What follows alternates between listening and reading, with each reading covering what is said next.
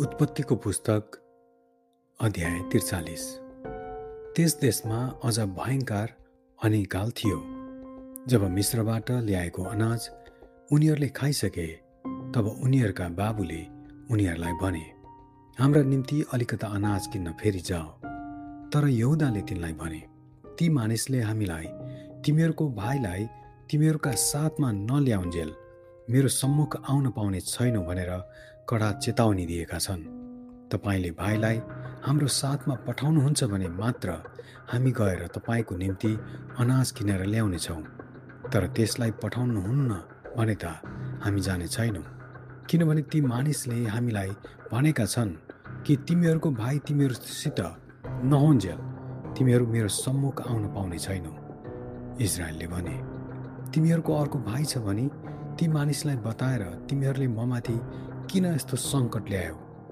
उनीहरूले जवाफ दिए ती मानिसले यसो भनेर हामी र हाम्रा कुटुम्बका विषयमा केरकार गरी सोधपुछ गरे।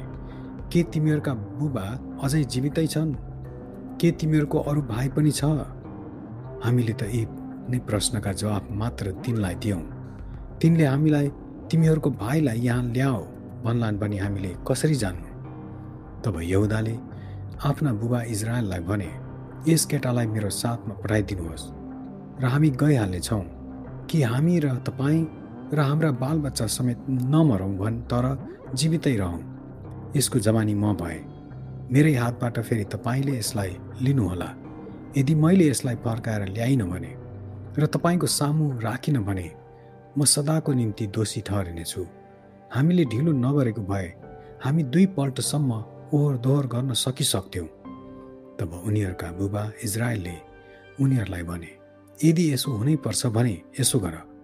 यस देशका बढिया बढिया उब्जनीहरू अलिक सुगन्धित लेप अलिकता मह सुगन्धित मसला मुर्रा पेस्ता र हाडै बदाम ती मानिसको निम्ति सौगातको रूपमा तिमीहरूका धोक्रामा लगिदियो तिमीहरूसँग दोब्बर चाँदी पनि लैजाओ किनभने जुन चाँदी तिमीहरूका धोक्राको मुखमा थियो त्यो फिर्ता गर्नुपर्छ। सायद त्यो भुलले भएको होला। आफ्नो भाइलाई पनि साथमा लिएर ती मानिस कहाँ फेरि जाओ? तिमीहरूको अर्को भाइ र बेन्यामिनलाई छुटकारा दिन ती मानिसको सामुन्ने सर्वशक्तिमान परमेश्वरले तिमीहरूमाथि कृपा गरून्। म निर्वास हुनै पर्छ भने होस्। तब ती मानिसहरू सौगात दोब्बर चाँदी र बेन्यामिनलाई पनि आफ्ना साथमा लिई मिश्रतिर गए र योसेफको सामुन्ने हाजिर भए। जब योसेफले उनीहरूका साथमा बिन्यामिनलाई देखे तब तिनले आफ्नो घरको भण्डारेलाई भने यी मानिसहरूलाई मेरो घरमा लैजाऊ र एउटा पशु मारेर भोज तयार गर किनभने यी मानिसहरू आज दिउँसो मसँगै खानेछन्। योसेफले हुकुम गरे बमोजिम त्यस मानिसले गर्यो ती मानिसहरूलाई योसेफको घरमा ल्यायो। तर योसेफको घरमा ल्याएको हुनाले योसेफका दाजुभाइहरूले डराएर आपसमा भने पहिलोपल्ट हाम्रा धोक्राहरूमा फर्काइदिएको चाँदीको कारण हामीलाई यहाँ ल्याएको हुनुपर्छ। अब तिनले हाम्रा विरुद्धमा निउ पाएर हामीलाई कसरी कमारा तुल्याउँछन् र हाम्रा गदाहरू जफत गरेर लिन्छन् होला। यसै कारण योसेफका घरको हर्ताकर्ता कहाँ गएर घरको ढोकैमा त्यसलाई उनीहरूले भने हजुर पहिलोपल्ट हामी अनाज किन्न आएका थियौँ।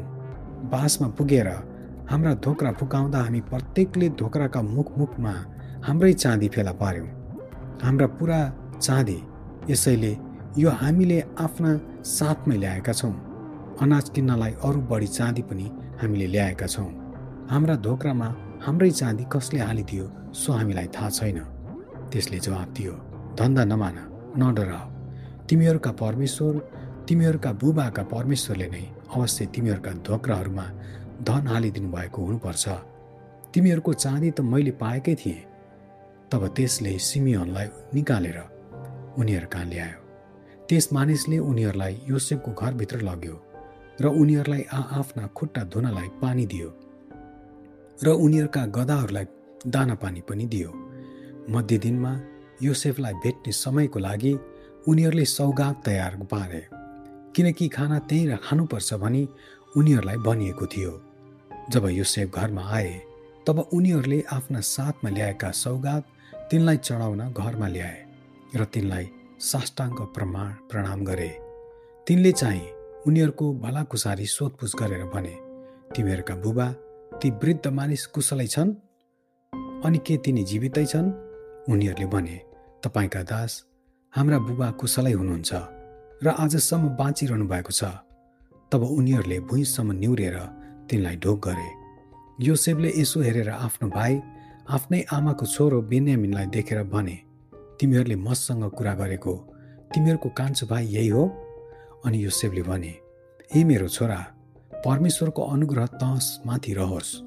तिनका भाइको खातिर तिनको रहस्य स्नाले भरिएर आएकोले रुनु मन लागेर योसेफले आतुरीसँग ठाउँ खोजे। आफ्नो कोठाभित्र पसेर तिनी रोए तब मुख धोए र बाहिर आए। र आफैलाई खुब सम्हालेर तिनले भने अब खाना ल्याऊ त्यसपछि तिनीहरूले योसेफको निम्ति छुट्टै र तिनका दाजुभाइहरूका निम्ति छुट्टै तिनीसित खाने र अरू मिस्त्रीहरूका निम्ति छुट्टै खाना राखे। किनभने मिस्त्रीहरूले हिब्रूहरूसित सँगै बसेर खानु हुँदैन थियो। त्यसो गर्नु मिस्त्रीहरूका निम्ति घृणित कुरो थियो। जेठादेखि कान्छासम्म आ आफ्नो उमेर अनुसार योसेफले उनीहरूलाई बसाएका थिए। ती मानिसहरू छक्क परेर एउटाले अर्कालाई हेर्न लागे। उनीहरूका भाग योसेफको टेबलबाट झिकेर लगिएका थिए तर बेन्यामिनको भाग चाहिँ उनीहरू प्रत्येकको भन्दा पाँच गुणा बढी थियो। यसरी उनीहरूले योसेफसँग खानपान गरेर आनन्द गरे। आमेन।